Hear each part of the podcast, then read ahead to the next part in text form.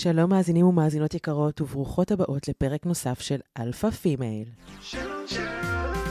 אני שרון רוזנבאום, יוצרת ומנחת הפודקאסט, ואני מאוד שמחה שהצטרפתן אליי גם היום ל Alpha Female, הפודקאסט בו אני מראיינת נשים שמעוררות בי השראה. נשים מצליחות מתחומים שונים, שפועלות בלי לדפוק חשבון, או כמו שאני הכי אוהבת להגיד, פשוט עושות. כל פרק הוא שיחה אינטימית, עם אישה מרגשת אחרת שתספר לי את הסיפור האישי שלה, תספר על הדרך שלה, ומתוך הסיפור שלה אני לוקחת את הטיפים הכי טובים, פרקטיים ומדויקים, אלה שהכי עובדים עבורה בדרך להתפתחות אישית והגשמה. רגע לפני שנתחיל, לעוד תכנים ומסרים ולהיות הראשונות שמעודכנות אני מזמינה אתכן להצטרף לקהילת Alpha Female. לחצי על הלינק שבתיאור הפודקאסט או בעמוד האינסטגרם שלי, השאירי פרטים ותקבלי כבר במתנה מדיטציה בדמיון מודרך שהקלטתי עבורכן, ובקרוב אפרסם לקהילה עוד מלא דברים חדשים.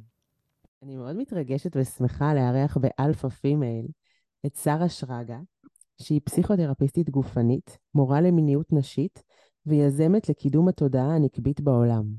היי שרה. היי. ויש לציין שהיא עוד מעט יולדת. מה זה עוד מעט? יכול להיות כל רגע. אז עוד יותר תודה, לא מובן מאליו בכלל. אה, אני רוצה לספר לך, לפני שנתחיל, למה רציתי לשוחח איתך. ב Alpha Female, שאני יודעת שיש לך מה להגיד על השם הזה, אז תכף אנחנו אה, נתעכב על זה, אני מראיינת נשים שמעוררות בי השראה, ובעצם נחשפתי אלייך דרך פודקאסט אחר, של אה, לירון מור, ופשוט הייתי, כל הפודקאסט הייתי כזה, וואו, וואו, אני ממש רוצה לשוחח עם האישה הזאת, מה זה? נשארתי כאילו, ב- ב- ככה, כמו שאני עכשיו, בלי מילים. ו...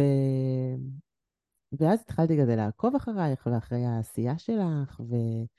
ובאמת על העלאת התודעה הנקבית, כמו שאת קוראת לזה, וזה סקרן אותי. אני מגדירה את עצמי כפמיניסטית. אני לא יודעת איך את ממקמת את עצמך על, ה... על הסקאלה הזאת, אנחנו תכף נדבר על כל זה. אז זהו, אז ממש רציתי לשוחח איתך, אז איזה כיף שזה קורה. איזה מרגש זה לשמוע שכאילו, את יודעת, אני ולירון מור היה לנו כזה איזשהו חיבור וזה, ואז ואת שולחת פודקאסט לעולם, ואין לך מושג מה קורה, נכון? גם את מכירה את זה כפודקסטרית וגם אני, ופתאום לשמוע שזה כל כך נוגע, זה מה זה מרגש. נכון. אז תודה, תודה לך. תודה שהזמנת אותי. באהבה. באמת כשאמרתי לך שאני רוצה אה, שתבואי לפודקאסט שלי, Alpha Female, אז ישר אמרת כזה, אני, כן, לא הבנתי, לא אהבתי את ה... למה חייב להיות אלפא או איזה משהו כזה, ואז אמרתי לך, או, זה מעולה. בואי נדבר על זה, בואי נשמור את זה בפודקאסט. אז תגידי. אה, תראי, קודם כל, אני, אני, אני רגע אגיד אה, כמה מילים. גם אני חושבת שזה היה חשוב, שאלת אותי איך להציג את עצמי, ולא אמרתי שהדבר הכי חשוב אולי שאפשר להציג אותי דרכו, זה לומר שאני אימא לשלושה ילדים, ואני בדרך בעצם, אני לקראת לידה רביעית. אני בשבוע 39 פלוס 4, למי שכבר אה, מבינה את הזה, שזה כמה ימים לפני התאריך המשוער. אז גם אני אגיד שהמצב תודעה שלי כרגע הוא נורא ספציפי. המוח שלי מרחף. אתמול הייתי באיזה פגישה, ופשוט הייתי כאילו, הם ניסו לדבר איתי וכזה אמרתי להם, תקשיבו, אני, ב, אני פסיכודלית, אני, אני לא איתכם כל כך, אני... כאילו התודעה שלי, האוקסיטוצין, מה שהוא עושה לפני לידה, זאת באמת חוויה פסיכוטית, עצומה ומדהימה. שאני נתונה בה ובגלל זה זה מצחיק אותי שאני מתראיינת לפודקאסט רגע לפני לידה. מצד שני הנושא הוא כל כך רלוונטי למה שאני חווה שאני מרגישה שזה זכות גם לעשות את זה אבל אולי זה יהיה קצת אחר מאיך שאני מדברת בדרך כלל. אוקיי. Okay. וגם זה ממש אהבתי זה שאמרת לי בואי נדבר על זה כאילו בואי ניגע בדברים שיש בהם חיכוך שזה דברים שנשים יכולות לעשות אותם.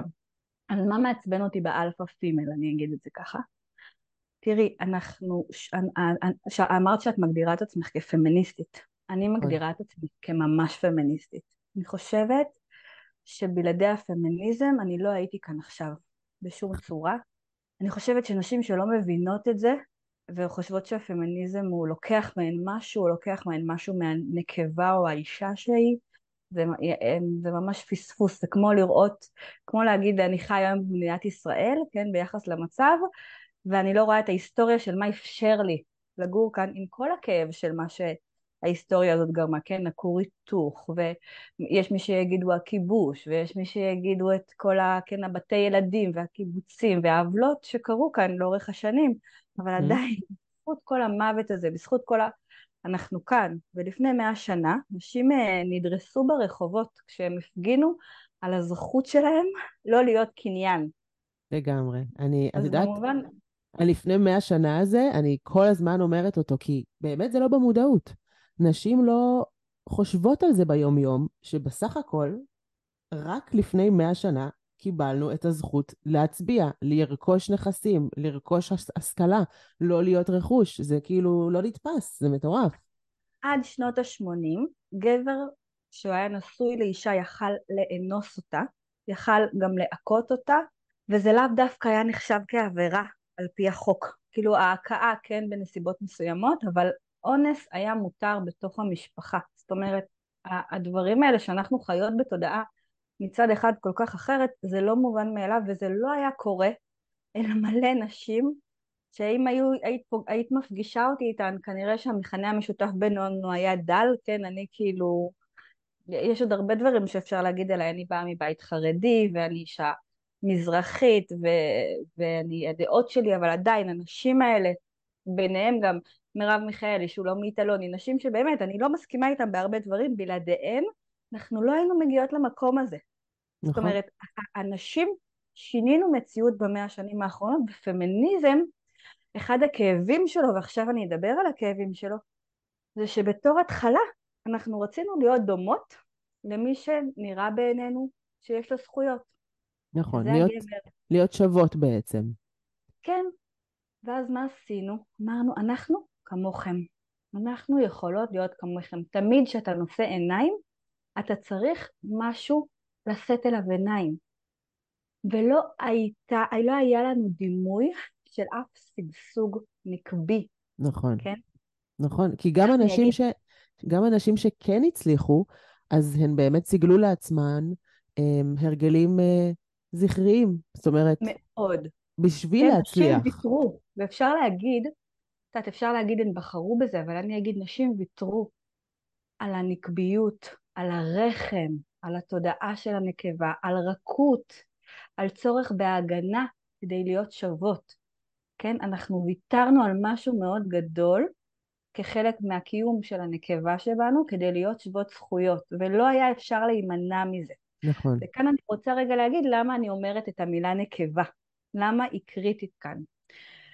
כי גם בתוך התפיסה שלנו היום אנחנו סולדות מהמילה נקבה, וזה גם חלק מהתוצר הפמיניסטי, כן? זה מורכב, פמיניזם זה לא דבר מושלם, כן? כמו שהדרך שלנו לאן שהגענו עד כה במדינה היא לא מושלמת. Mm-hmm. באופן אישי יש לי הרבה ביקורת וכאב על הדרך שההורים שלי עברו כאן, אבל עדיין המקום הזה של להיות נקבה בעולם, שאני הזמנתי נשים לקורס להיות נקבה בעולם, שהזמנתי יזמיות גדולות מהעולם הפמיניסטי להנחות איתי בקורס שנקרא להיות נקבה בעולם, הרבה מהם נרתעו מהשם הזה. למה כן. את מגדירה אותי כנקבה? אבל את יודעת משהו? אני רוצה להגיד לך רגע, ש... למה יש את, ה, את המקום הזה של להירתע מהמילה נקבה? קודם כל, באמת יש הבדל בין נקבה לאישה. זה לא אותו דבר. וגם, זה לא דיכוטומי. ופמיניזם יש, יש כאילו שתי סברות שהן מתנגשות באיזשהו מקום, וצריך אה, לראות איך, איך הן מסתנכרנות או איך הן עובדות ביחד. כי מצד אחד יש את העניין הזה של, כן, אני, אה, זה שאני נקבה זה לא אומר שבהכרח אני אישה. זאת אומרת, אני יכולה להיות נקבה, אבל להיות מחוברת הרבה יותר לכל מיני דברים שהם אה, זכריים או גבריים או זאת אומרת, אין את הדיכוטומיה הזאת בהכרח. לא כל מי שנולדה נקבה, היא בהכרח תתנהל בעולם כמו אישה. יכול להיות שהיא תבחר לעצמה כל מיני אה, סממנים חברתיים שהם יותר גבריים. אם זה סגנון לבוש, אם זה סגנון דיבור, אם זה איך שהיא מתנהגת. אז אני אגיד על זה משהו. אז אני, אני מבינה מה את אומרת, אבל אני רגע אגיד משהו על זה. אני נקבה ביולוגית, אני חושבת שיש שם שתי הפרדות, יש שם את הדבר הזה של אני לא רק נקבה, וזה נכון, גם אני לא רק נקבה, מי שמכיר אותי בחיים שלי, הרבה מההצלחות והדברים שהשגתי לעצמי, ואני אני מקיימת את עצמי מאפס, אני מבייתי מבית, את יודעת, של שמונה ילדים, שכונת מצוקה, הייתי כזה, באמת, עשיתי דרך מטורפת להביא לשינוי עצום בחיים שלי, שהרבה ממנו בזכות היכולות הזכריות שלי. ואני תכף אסביר על ההבדל הזה בין הזכר לנקבה למי שכזה אומרת בואנה על מה הן מדברות, אני תכף אגיד על זה משהו. ויחד עם זאת התפיסה הפרוגרסיבית שאנחנו גם רואות את המחיר שלה היום בזמן המלחמה של אני לא, של הביטול זהויות של הנקבה והזכר יש לו גם מחיר אני מבחינה ביולוגית כנקבה ויש שם סיפור, יש לזה ערך, אוקיי? עכשיו זה לא אומר שאני רק נקבה ואני אגיד רגע מה ההבדל בין נקבה לאישה.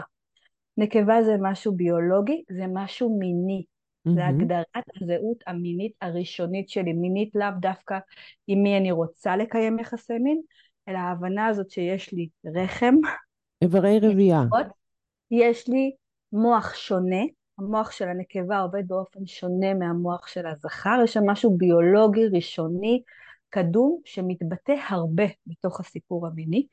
אישה זה משהו מגדרי, זה בדיוק. תפקיד מגדרי, ומגדר זה משהו שמשתנה מתרבות לתרבות. נכון, והוא משהו חברתי. אומרת, התפ...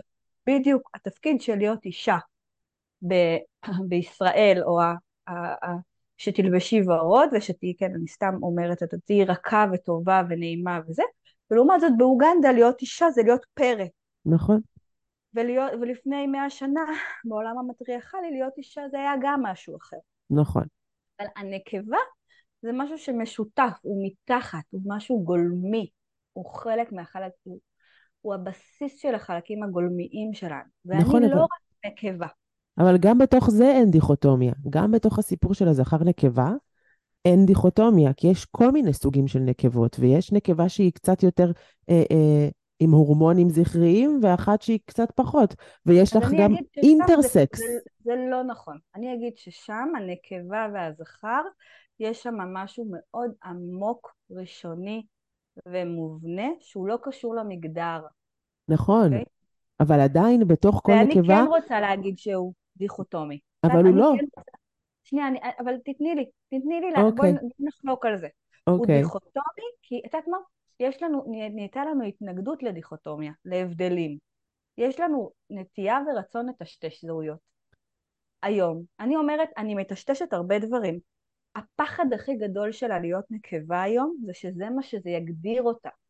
ואני אומרת, יש בה חלק של נקבה, ויש oh. בך גם אישה, ויש בך גם זכרית. אוקיי. Okay. ויש בך גם, אוקיי? Okay? זה לא סותר חלקים אחרים, אבל הדבר הזה כשלעצמו הוא משהו בילט אין במערכת שלך, את נקבה, ולשאול את עצמי מה זה אומר עליי, העובדה הזאת שאני נקבה, אוקיי? זה לא אומר שאני לא עוד דברים, אבל זה מה שלקחו מאיתנו.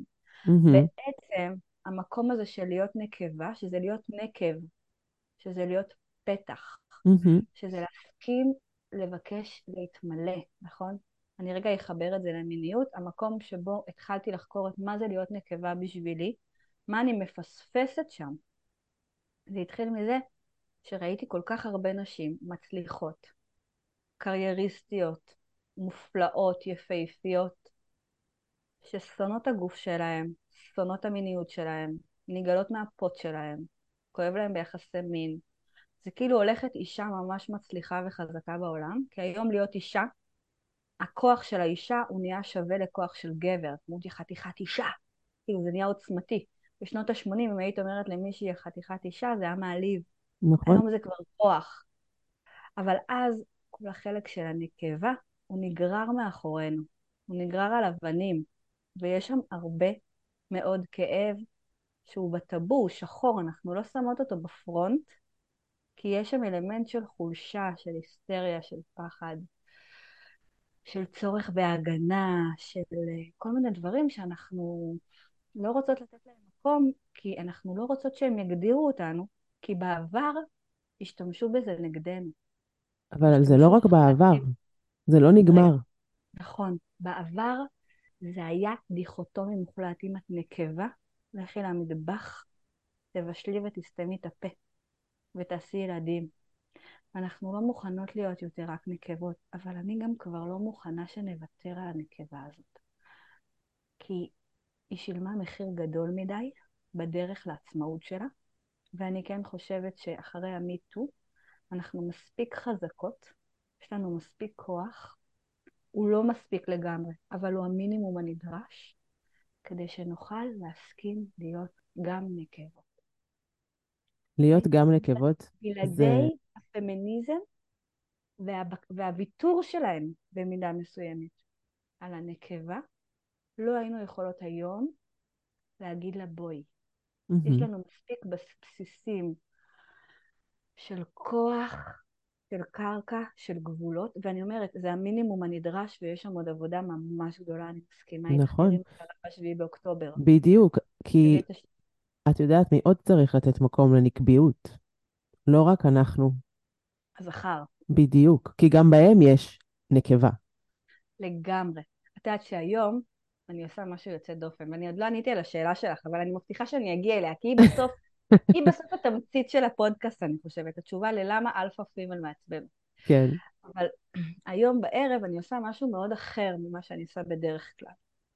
לפני כל לידה יש כזה מנהג בקרב, לא יודעת, בקהילות שאני מסתובבת בהן לעשות מעגל לידה. שזה חבורת האנשים שמתאספות, החברות שלי שמתאספות לפני לידה, ואנחנו מתכוננות רגע. היום בערב זה הולך לקרות? כן, בתשע בערב, oh my God, מתכוננת בנאות סמדר. מרגש.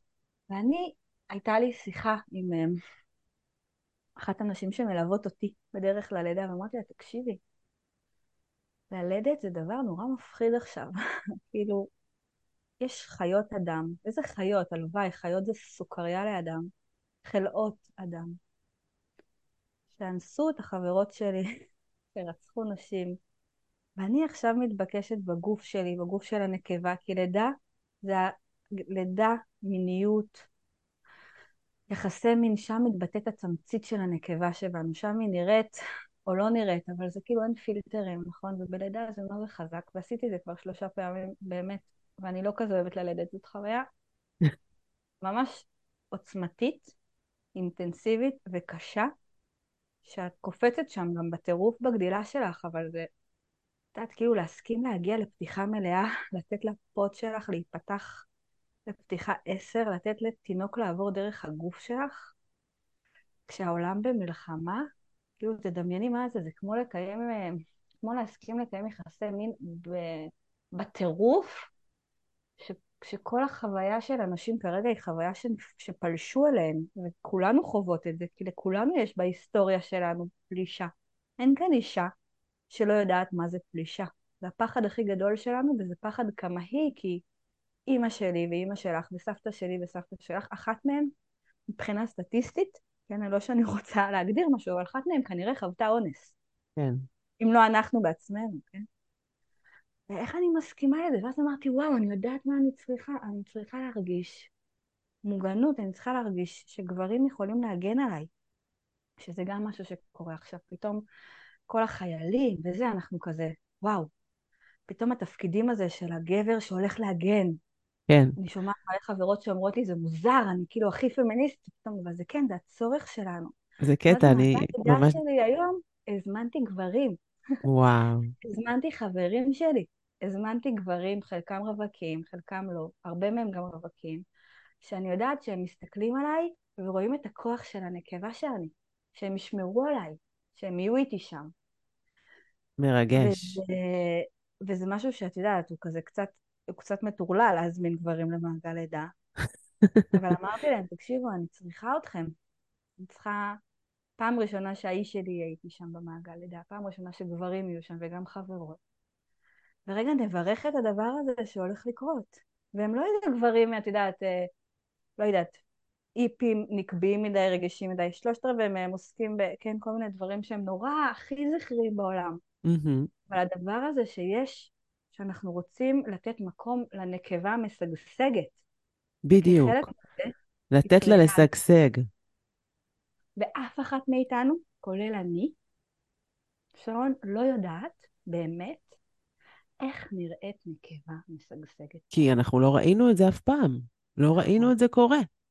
כמעט. אולי יש לנו ויז'נים של כל מיני שמניות או אינדיאניות כאלה של פעם, או באפריקה אולי, vision כזה.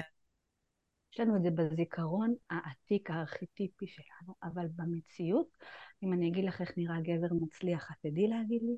איך נראית אישה מצליחה, אנחנו נדע להגיד, אבל איך נראית נקבה משגשגת? נכון.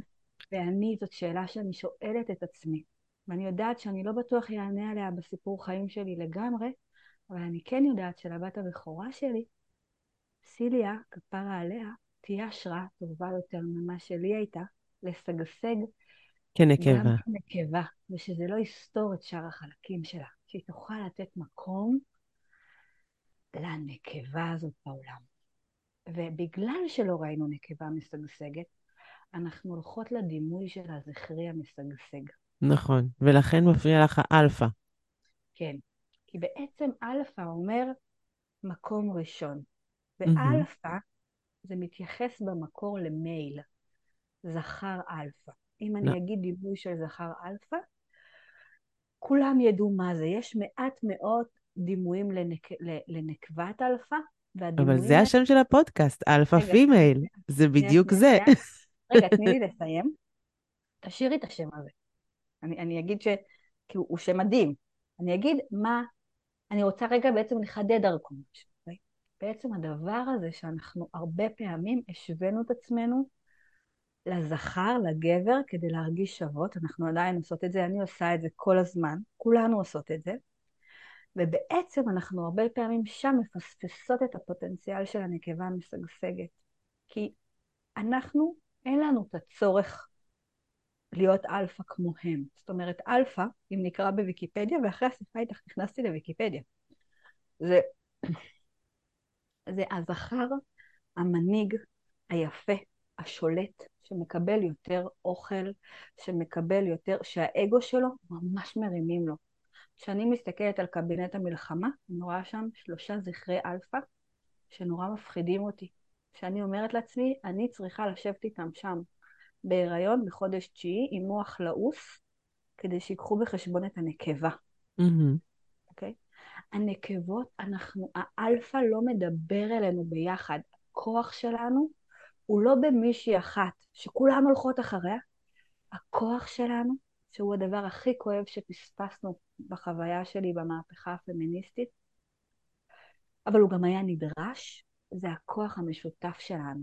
היכולת שלנו לעשות מהפכות היא לא באלפא, היא לא במישהי אחת שהיא נורא חזקה והיא אומרת הכל ואנחנו מביאות לה את כל הכוח שלנו ואומרות לה יאללה תעשי, זה בזה שאנחנו משתפות פעולה יחד.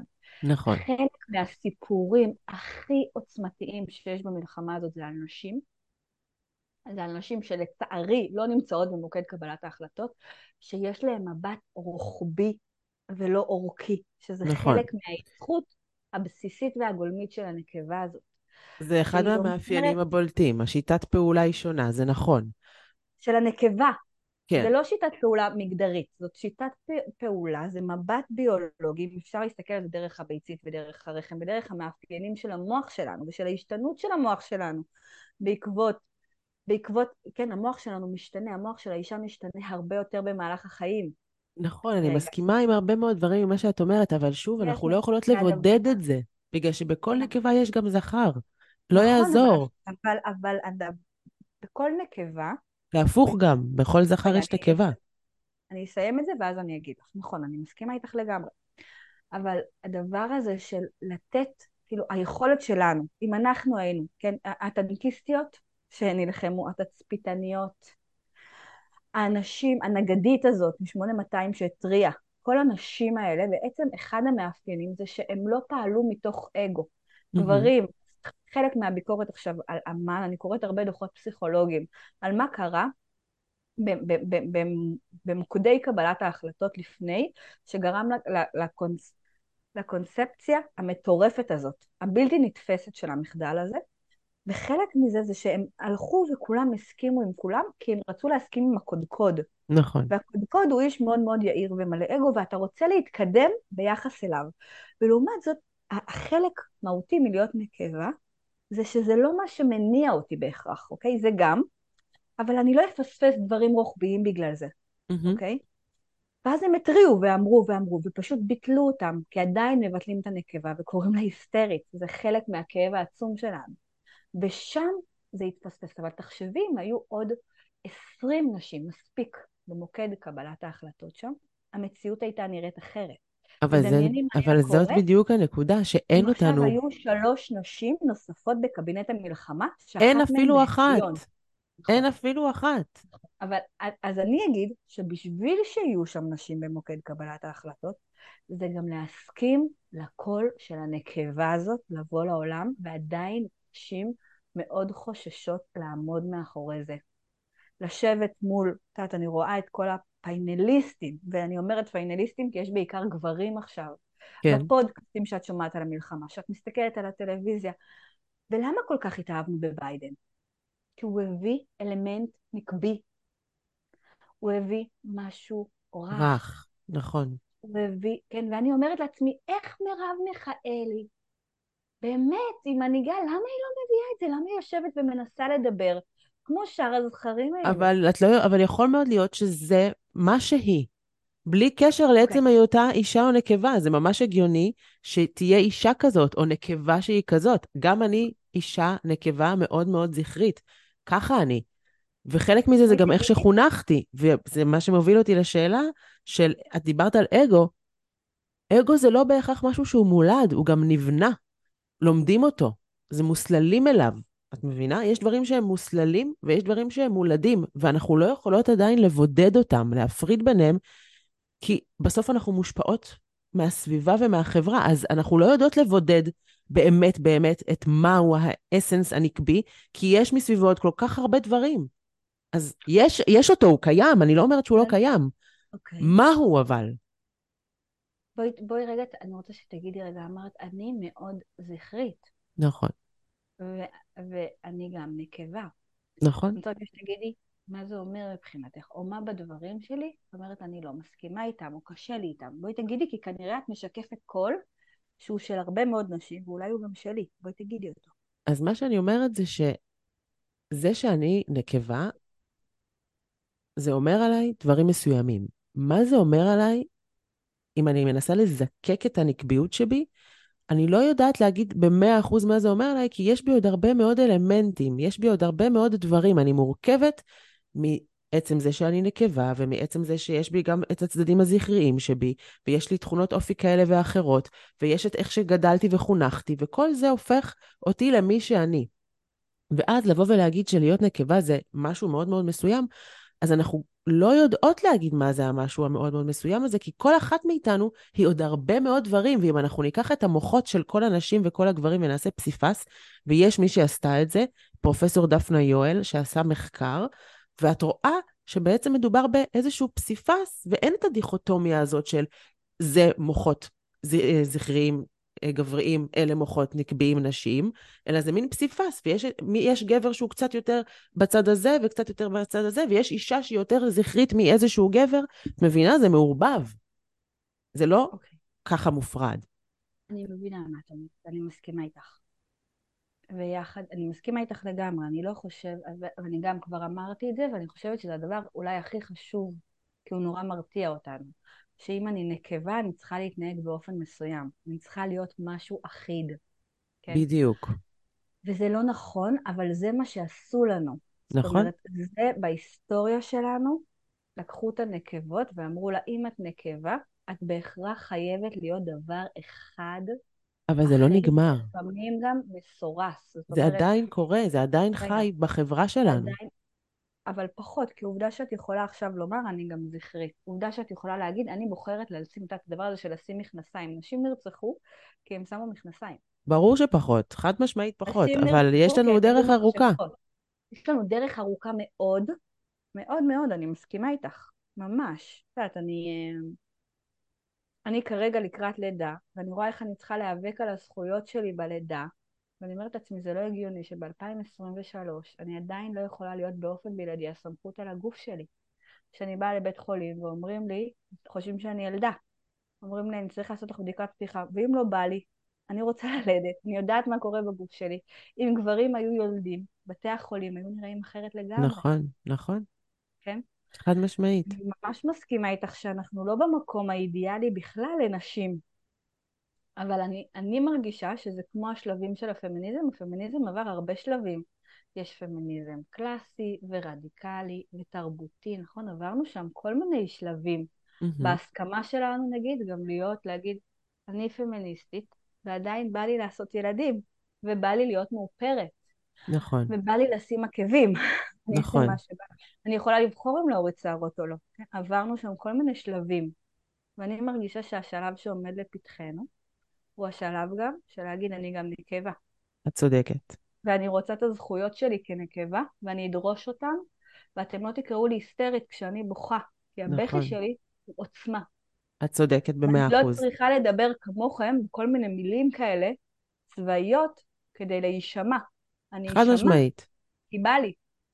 אני ממש מסכימה איתך עם זה, ואני גם... אני לא צריכה לעבוד 20 שעות ברצף כמו הגבר הזה, ולא להיות עם הילדים שלי בבית ולפספס ולחזור אחרי שלושה חודשים שהרחם שלי עוד כואבת לעבודה, כדי להוכיח לכם שאני טובה כמוכם. אני נקבה. את ממש צודקת. ואני גם לא טובה כמוכם, אני טובה באופן אחר מכם, כי המוח שלי לא עובד כמוכם. Okay? אוקיי? לקח לי זמן להודות במה שאת אומרת, זה נכון. יש לתת מקום באמת למקום הרך והנקבי, ולהגיד, כן, אני גם נקבה וזה לא פחות שווה. זה שווה. אמנם זה אה, אה, לא בדיוק אותו דבר, אבל זה שווה ערך. העניין הוא הערך. הפמיניזם הוא בעצם בא ואומר, אנחנו שוות ערך. פשוט מאוד. אני אפילו אגיד שאנחנו לא שוות ערך, זה כל הזמן, כאילו יש את המועדון הגברי שהוא המועדון הנחשב. ואגב, גם הגבר אולי רוצה להיות בבית עם הילדים. ממש, את יודעת, אצלנו בבית, אנחנו בחופשת לידה ביחד. שתינו עצמאיים, שתינו בעלי עסקים. אני בלעדי האיש שלי, לא הייתי יכולה להיות מי שאני היום במקום שבו אני מקדמת את תודעת הנקבה בעולם. Mm-hmm. הוא, הוא, עכשיו עם, הוא עכשיו עם הבן שלי, שהוא בן שנה וחצי, כדי שאני אוכל לעשות את זה. זאת אומרת, זה כמו שאני מזמינה את הגברים למעגל לידה בלעדיהם, ובלעדי התחושת ביטחון הזאת, שהאנשים, שהגברים המתוקים האלה, כן? ויש מלא גברים מתוקים בעולם, נותנים לנו, לא היינו יכולות לפרוץ את זה. ההבנה צודקת. שלהם, שאנחנו צריכות את זה, שהם צריכים את זה. כן, עכשיו אני אגיד משהו על הרכות, להיות נקבה זה לא רק רך. נכון. יש את הדימוי של הלוויה.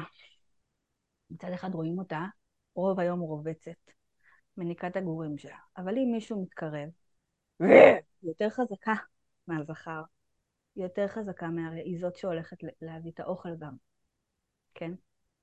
זאת אומרת, הדבר הזה של אה, להיות נקבה זה עם האדמה, זה רכות, זה לא נכון. הרחם זה איבר שהוא מצד אחד מכיל, תראי, אני מכילה עובר תשעה חודשים, הגוף שלי נותן לו הכל כדי לשרוד גם על חשבוני, ומצד שני, ברגע האמת, הרחם עושה קיבוצים של החיים, את לא מבינה איזה כאבי תופת, כדי להוציא אותו. היא אומרת לו, חלאס, צא. כשעובר נכנס לרחם של האישה, כשזרע נכנס ונוצר עובר, היא עושה לו ריצוף גנטי.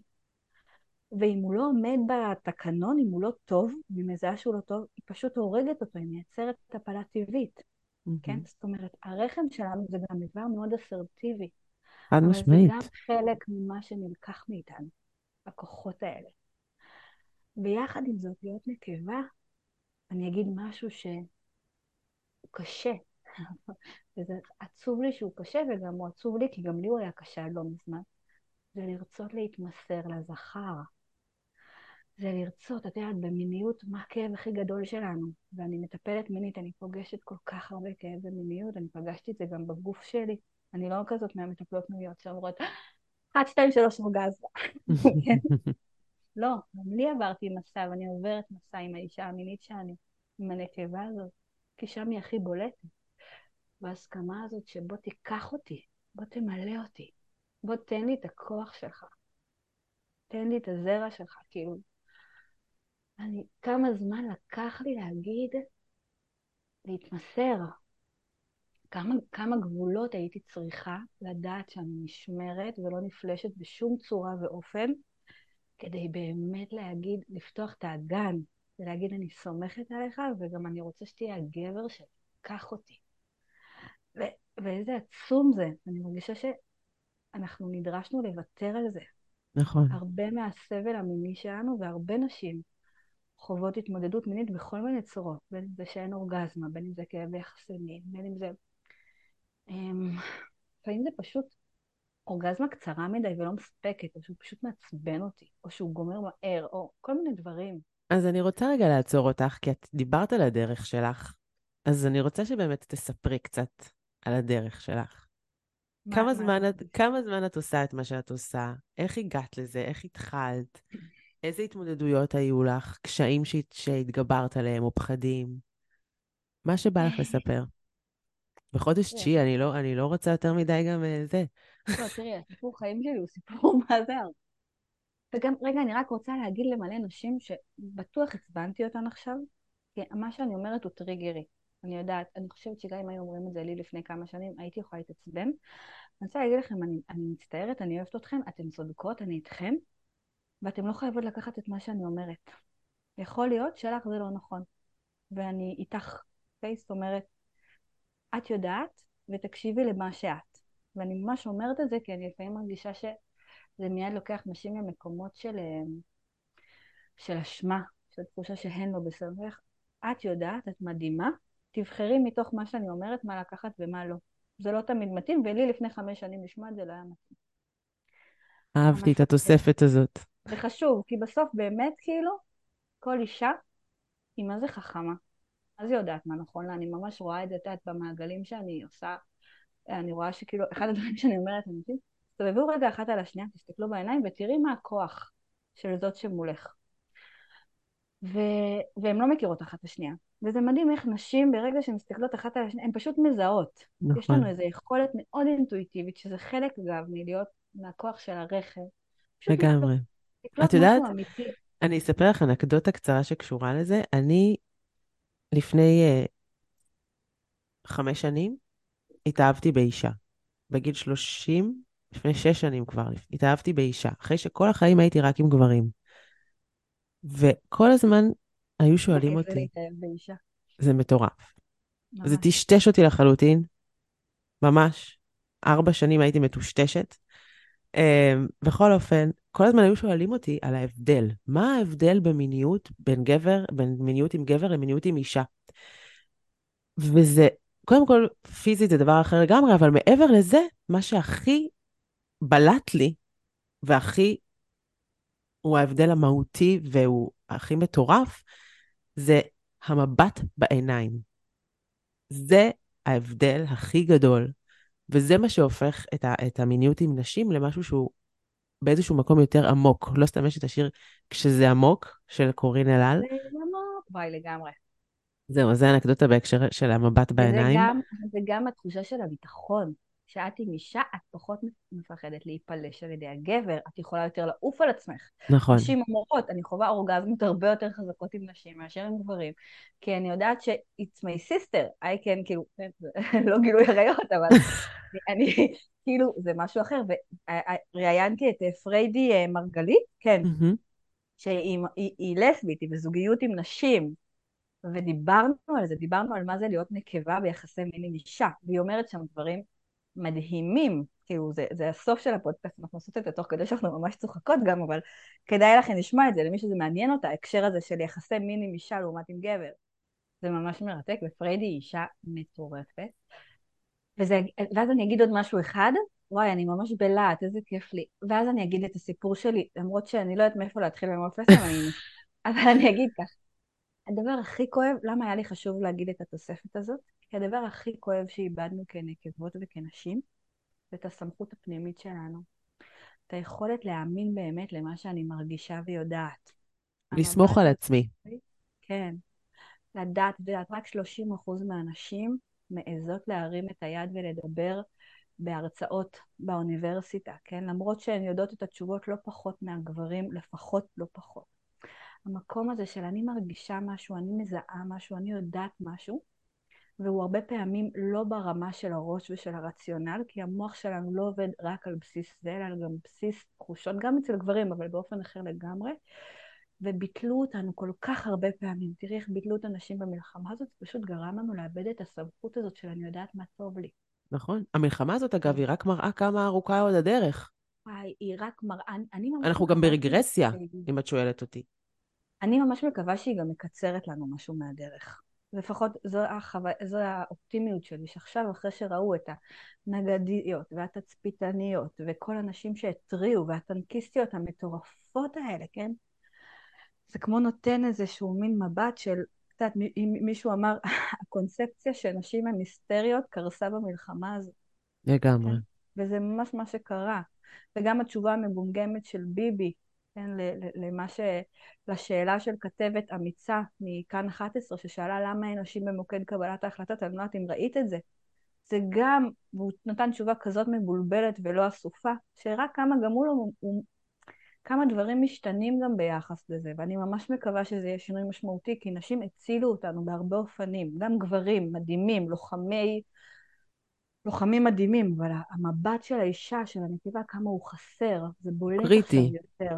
פשוט קריטי. וחלק מזה, חלק מלהסכים לשגשג כנקבה, זה לא משנה אם את אוהבת את המילה הזאת או לא, קחי את המילה אישה, קחי את המילה שבא לך, זה להאמין לעצמך. את יודעת, בגוף שלך, את יודעת מה טוב לך, כן?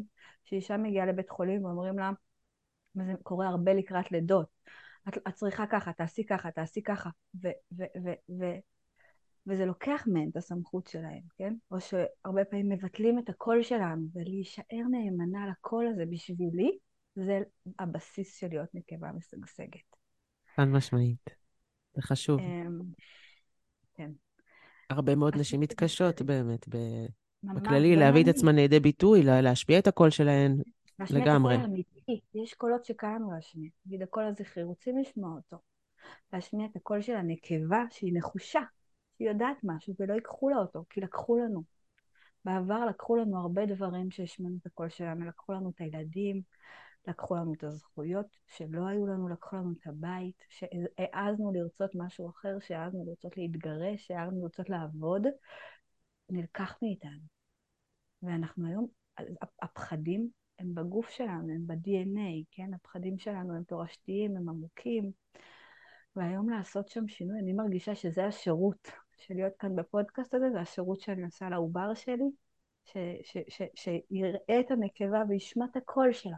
זה מה שאני מחנכת. זה בן או בת? בן. זה יהיה הבן השלישי שלי ויש לי בת בכורה. שהבת שלי תוכל להגיד, "אמ, אני יודעת מה אני מרגישה, אני עומדת מאחורי עצמי. כל פעם שאחת המורות אומרות לי את זה, וואי, סיליה ממש יודעת. אני נושמת לרווחה, כי לי, ואולי כאן אני מתחבר לסיפור שלי, לא היה את זה. אני גדלתי בבית חרדי. אני בת ל... אני אחת משמונה ילדים. אה, בית חרדי שההורים שלי עלו מאיראן. ואני ממש זוכרת את התחושת השפלה של להיות אישה ונקבה מגיל מאוד מאוד קטן. אני ממש זוכרת איך התביישתי לקבל מחזור. אני זוכרת שהסתכלתי במראה במקלחת שניצני השד... השדיים שלי יצאו ופשוט ככה בעטתי בהם עם היד שלי. וואו. לא רציתי להיות נקבה, לא רציתי להיות אישה. הייתי מוקפת באחים, ולא רציתי את זה. אני זוכרת איך אבא שלי היה אומר לאימא שלי, אמא, הרחם שלה צנחה. ואיך הייתי מתכווצת ונעלבת בשבילה, כי גדלתי בבית מאוד זכרי. איך הייתי אה, משמיעה את הקול שלי, ו... והיו אומרים לי, שרה היא כמו בן, כי אני משמיעה את הקול שלי, הייתי ילדה מאוד מרדנית ועוצמתית, אבל לא נתנו לזה מקום, הפכו אותי להיות, היא כמו הבנים, היא רוצה להיות בן, ולא רציתי להיות בן, רציתי להיות בת. אבל בסוף הבנתי שאולי כדי להיות בת אני צריכה להיות כמו בן, וביקשתי מאמא שלי שתעשה לי קצוץ בגיל חמש או שש, ורציתי שייתנו לי את הכוח, ולא נתנו לי אותו. את יודעת, מה שעכשיו אמרת, זה משהו שהוא מאוד מאוד שכיח, ואני יכולה להגיד לך שגם אני הייתי פעם ככה, ולא בתור ילדה, אפילו בתור כבר נערה מתבגרת או בתיכון. המשפט הזה של אני מסתדרת עם גברים, זה בעצם אומר, אני כמו גבר, אני, אה, זה שאני ככה ואני מגניבה ואני ורבלית ואני אסרטיבית, זה לא משהו שקשור להיותי אישה, זה בגלל שאני כמו הגברים. זה ממש ממש שכיח, הסיפור הזה. נכון, וזה חלק מלוותר, זה מה שעשינו שוויתרנו על הכוח של ה, שלנו יחד. וגם אני עשיתי את זה, כן? אני הייתי זוכרת אותי אומרת, אוי, הבנות האלה, אני לא יכולה להיות איתן, כיף לי עם בדיוק. הבנים. לא הייתי אומרת את זה ככה, אבל אני כאילו, האישה, מצד שני הייתי שומעת אותם מספרים בדיחות על נשים ומתכווצת, כי אני יודעת שאני חלק מהם, אבל גם משתפת עם זה פעולה, כי אני לא כזאת, אבל אני כן, כי יש לי פתח בגוף שרוצה להתמלא באהבה ולא בפלישה, ואני שומעת אותם איך הם מתחילים עם בחורות, אני זוכרת את זה.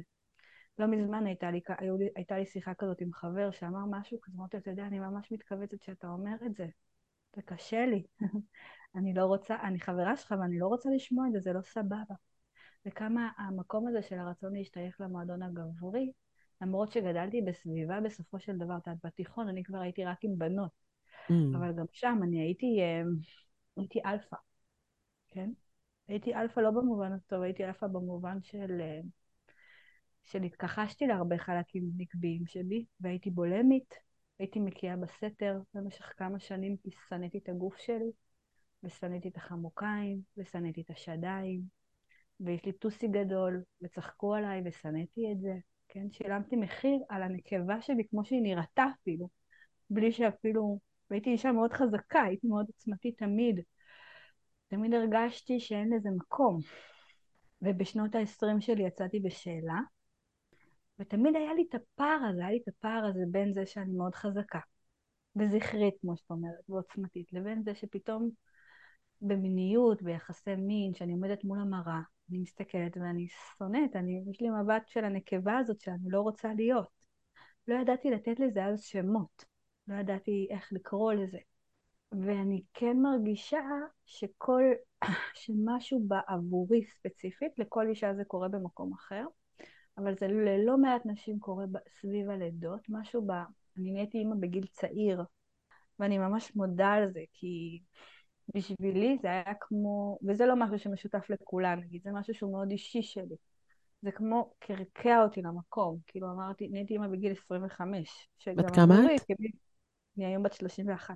כמי שבאה מהמגזר החרדי, זה לא כזה הזוי, אבל הייתי חילונית לכל דבר. את יודעת, חילונית, שמאלנית, פמיניסטית, טריללית, טריללה, אבל בסוף בחרתי להינשא ולהביא את הבת שלי מוקדם יחסית, וזה ממש עשה לי טוב, כי כמו פתאום, אני זוכרת שאחרי הלידה אמרתי ששנאתי את עצמי בהיריון, יש הרבה נשים שמאוד אוהבות את התחושה של ההיריון, ואני לא אהבתי את זה, הרגשתי שאני נהיית שמנה, זה העלה בי מלא טריגרים, כן, של פתאום הייתי נקבה גדולה כזאת, פתאום לא הייתי החבר'ה, המגניבה, הזכרית, שהולכת למסיבות, פתאום הייתי כאילו הכי נקבה בעולם, והבנתי שאני צריכה להתמודד עם זה.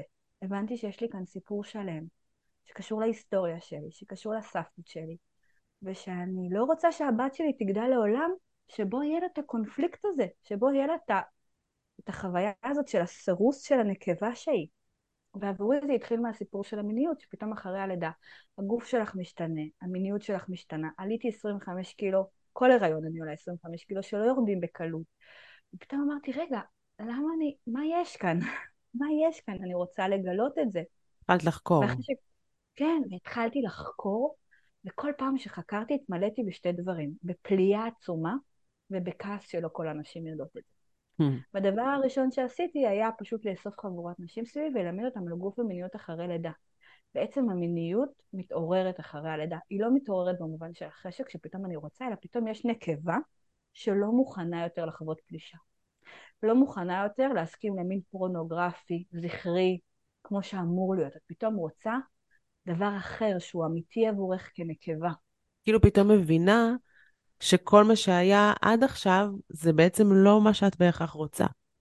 ממש, שאת לא רוצה את זה, כן, וגם ששם ויתרת על הרבה דברים, לא כאילו, זה לא מאה אחוז, זה לא סטרילי, אבל כן, הרבה פעמים עשיתי סקס, ולא, ועשיתי את זה כמו שחשבתי שאני צריכה לעשות.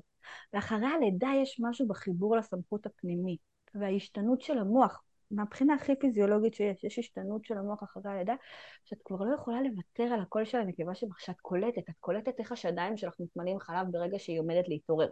פתאום הגוף שלך, וזה מאוד קשור לתודעה הגופנית, את כבר לא יכולה שלא להאמין, כבר לא יכולה למסך את, ה, את הקולות של הנקבה הזאת שקשורה למיניות, שקשורה ללידה.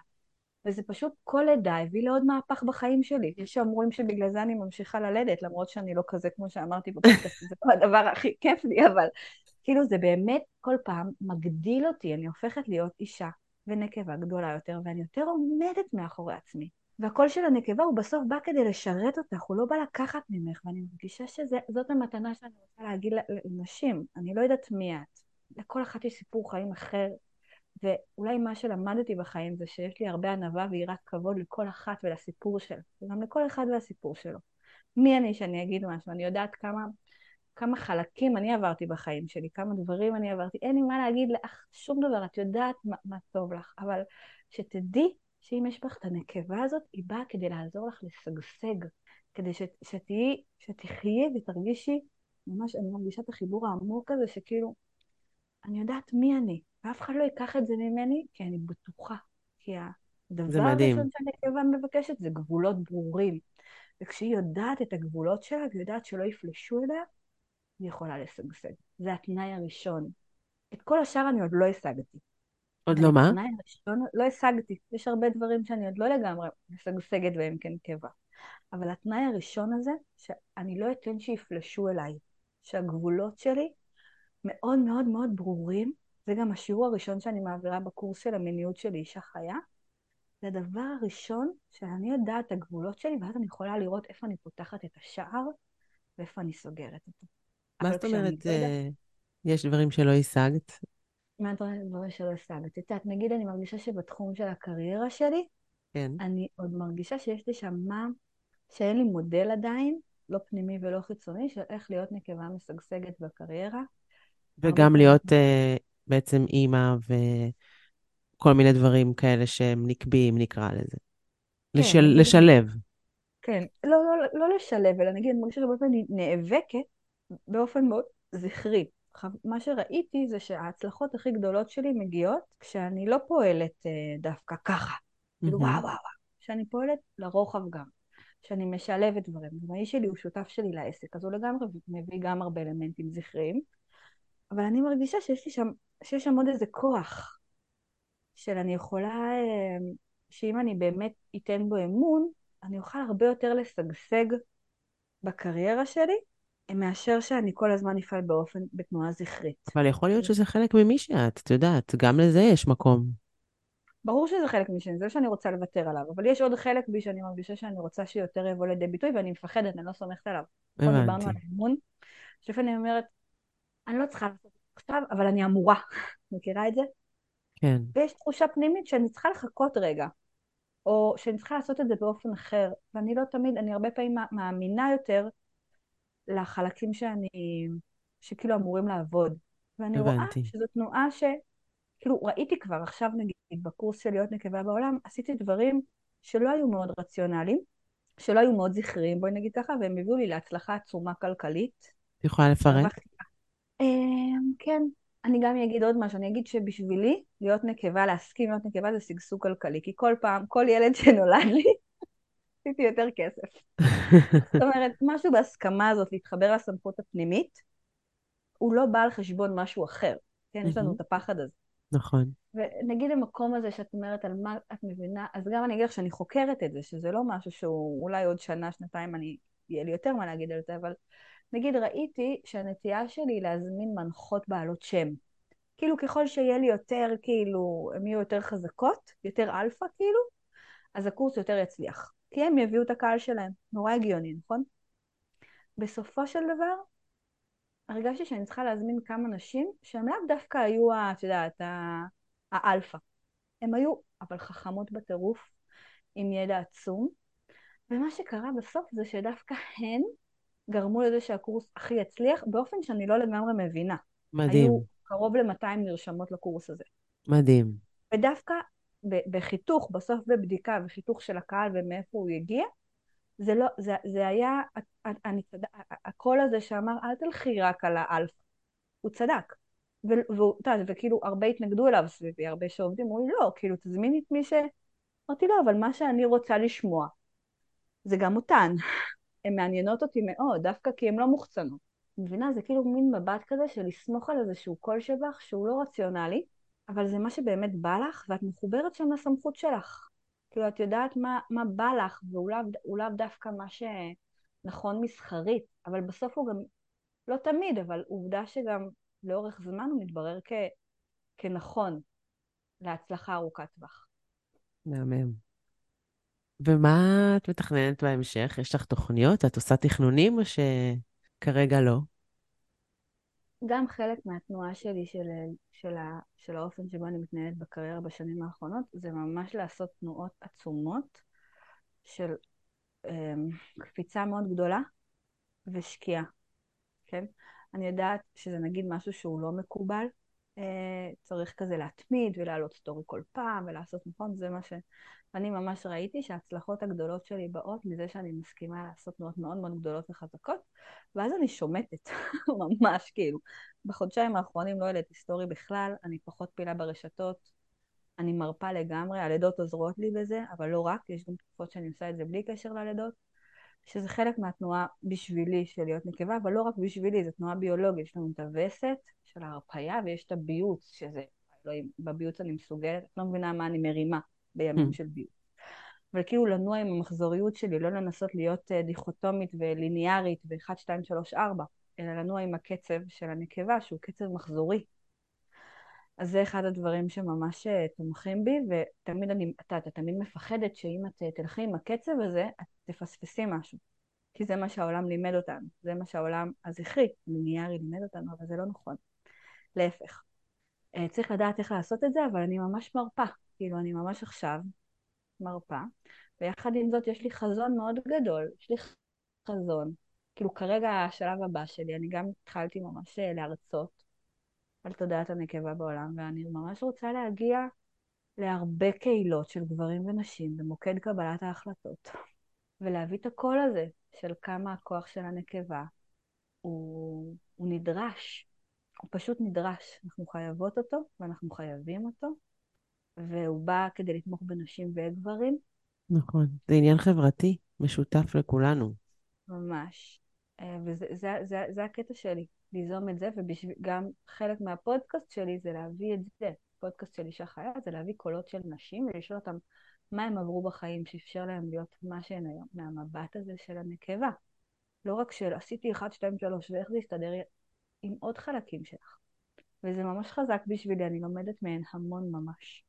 וזאת הבקשה שלי בעולם, זו השליחות שלי, זו השליחות של הילדה הקטנה הזאת שהייתה בבית, והרגישה שיש לה מלא כוח, ושהיא חייבת לעשות אה, שינוי לכוח שלה כדי להישמע. והיום אני פשוט רוצה לומר לה, תקשיבי, כפרה עלייך, את מה זה יודעת? אני מסכים, כאילו, לכי עם זה, אני אעזור לך לפלס את הדרך לשם. וזה מה שאני בעצם רוצה להגיד היום, פשוט לכל הנשים. למצוא את כולן שם ולהגיד להן, ונשים חכמות, מדהימות, מופלאות, אני מעריצה של נשים. לגמרי. את יודעת מה את אומרת, תהיי נאמנה לזה. להגיד לנגדית הזאת מ-8200, תקשיבי, אם הוא לא שמע לך ראש אמ"ן, זה לא כי את לא טובה, זה כי הוא ממש ממש לא יכול להקשיב לזה, את תפני עם זה לעוד מישהו. אל תוותרי על הקול שלך, הוא קריטי עבור כולם וכולנו. ממש ככה. מדהים. זה מרגש, אני כאילו ממש מתחברת לכל מה שאת אומרת, וגם אם אה, לא בהכל אנחנו אומרות את, את אותם מילים, או מגדירות את זה בדיוק באותו אופן, אבל זאת, זאת הכוונה. עכשיו זה הזמן שלנו, ככה אני אוהבת להגיד, זה הזמן שלנו, וגם הגברים צריכים לאפשר לעצמם להיפתח למקום הזה בשביל, בשבילם, חבל, כאילו, הם גם סובלים. נכון. הם סובלים ממש, והם סובלים בתוך כלוב שהוא נראה מזהב, אבל הוא בעצם לא מאפשר להם בכי, רכות, כאב, כן, פוסט-טראומה זכרית.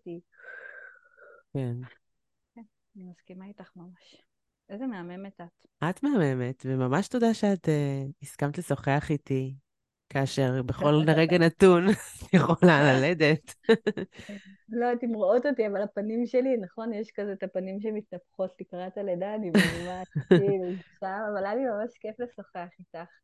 זה הקטע שלי בעולם, זה, זה מה שכן חלק, מ, כאילו אני מרגישה שחלק מהנקבה זה גם להתחבר לאיזשהו ייעוד ולהיות נאמנה לו, באמת, כאילו, אני מרגישה שהרבה מאיתנו עושות דברים שאנחנו לא בהכרח רוצות, אלא כי אנחנו מרגישות שככה צריך.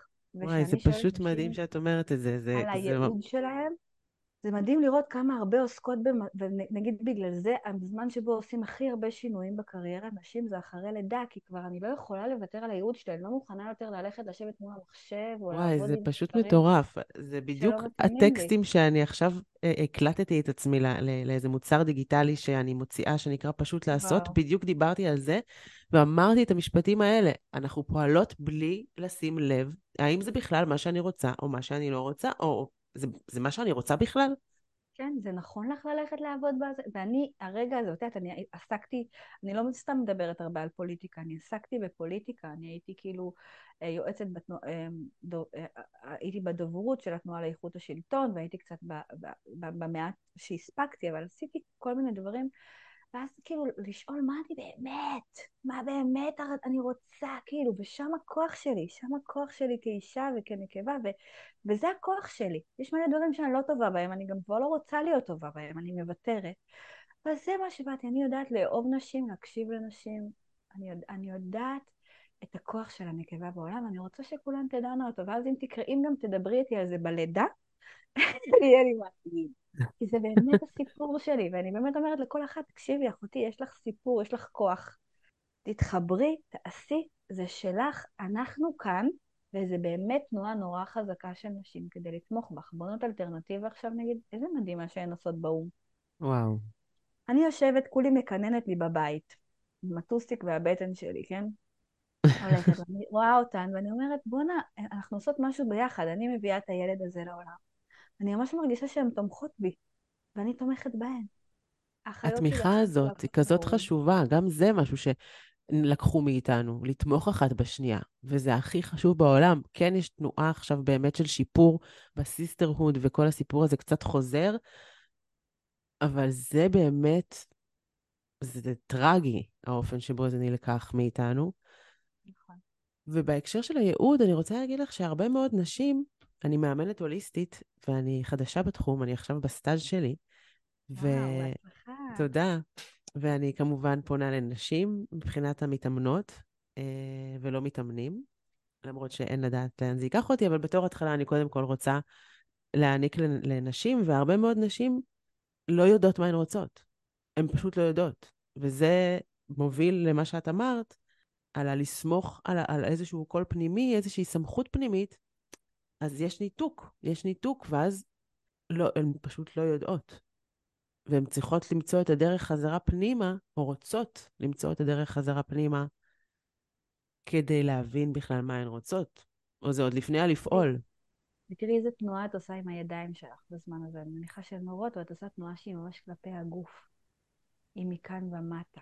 וזה חלק מה, מהניתוק שלנו, מהגוף שלנו.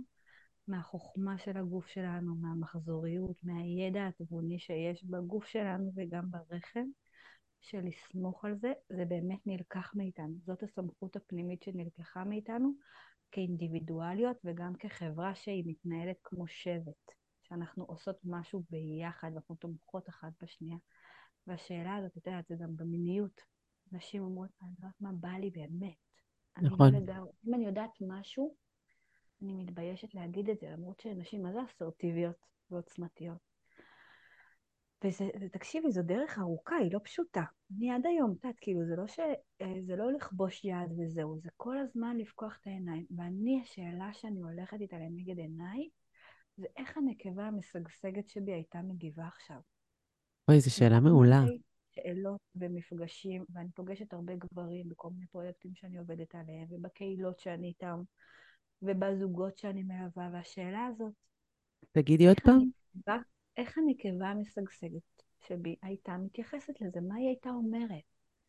איך היא הייתה מרגישה? מה הקול שלה? וזה הרבה פעמים ממש עבודה של לדמיין אותה, זה ממש דרך, זה לא אחד ועוד אחד שווה שתיים, אבל זאת שאלה. את יודעת, לפעמים, נגיד, השבוע מישהו אמר לי משפט שהוא לא היה במקום, הוא היה מאוד עדין.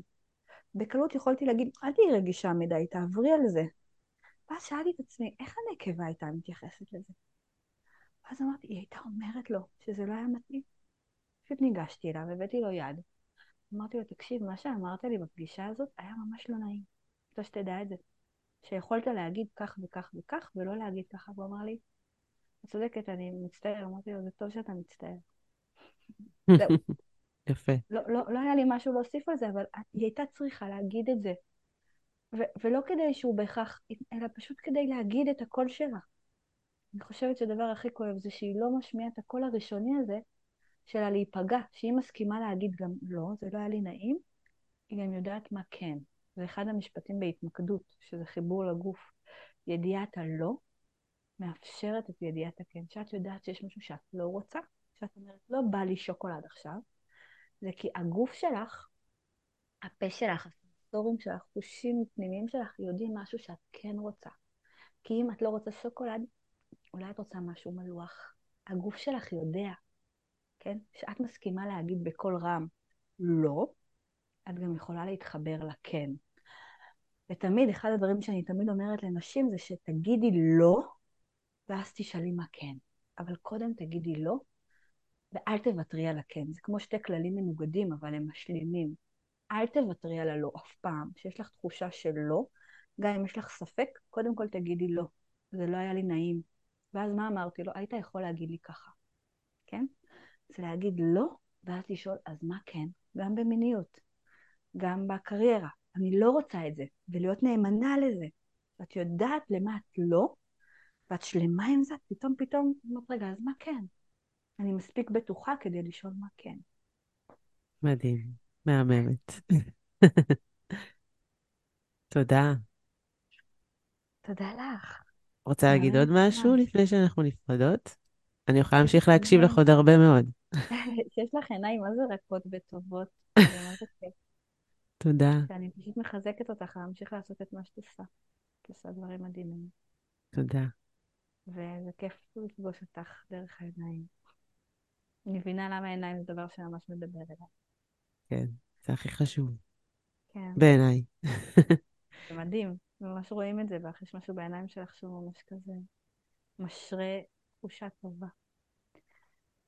ולא יודעת, שנשמע בשורות טובות, שתהיה לידה טובה, שיהיו לנו, אני חושבת שכולנו עוברות עכשיו איזה מהלך כזה של, אה, של איזושהי לידה, יש הרבה חוסר ודאות, יש הרבה פחד, יש משהו שמשתנה ממש. זה דברים שמאוד מאפיינים תחושות של אישה בזמן לידה. ושנוכל להיות שם ביחד. אני ממש היום שלחתי הודעה לכל התלמידות שלי ואמרתי להם, ממש, אם אני סומכת על משהו, זה על הכוח של הנקבה בזמן הזה, אני מזמינה אתכם להשמיע את הקול שלכם. ואני ממש מזמינה את כולנו, כל מי שמקשיבה לזה וגם כל מי שמקשיב, לעודד את הקול של הנקבה, לבקש ממנה לשגשג, לתת לה מקום, להגיד לה, את מספיק בטוחה כדי לבוא, אני אשמור עלייך. כן? שהדבר הזה של כל מה שקרה ב-7 לאוקטובר, כי לא הקשיבו לקולות של אנשים, שיחזק אותנו, להגיד, אני חייבת להשמיע את הקול שלי. יש לי משהו להביא לעולם, ואני לא אוותר עליו, ויהי מה. כאילו, אין לי זכות, את מבינה? אין לי זכות לוותר עליו. אני חייבת להיות נאמנה לזה. והעולם משתוקק לזה, ממש. במיוחד היום. תודה, שרה. מהממת. אולי נתראה מתי שבמציאות אין לדעת. בעזרת השם, אינשאללה, אינשאללה. אני אשמח לחבק אותך. אמן. להתראות. ביי, תודה. תודה רבה. ביי ביי. זהו להפעם, חברות וחברים. תודה שנשארתם איתי עד הסוף. אם אהבתם את הפרק ומצאתם שיש בו ערך, שתפו אותו כדי שיגיע לעוד אנשים. אתן מוזמנות ומוזמנים לכתוב לי באינסטגרם מה חשבתן על הפרק, וכמובן שאשמח שתדרגו את Alpha Female. שיהיה לכולנו המשך שבוע טוב וניפגש בפרק הבא.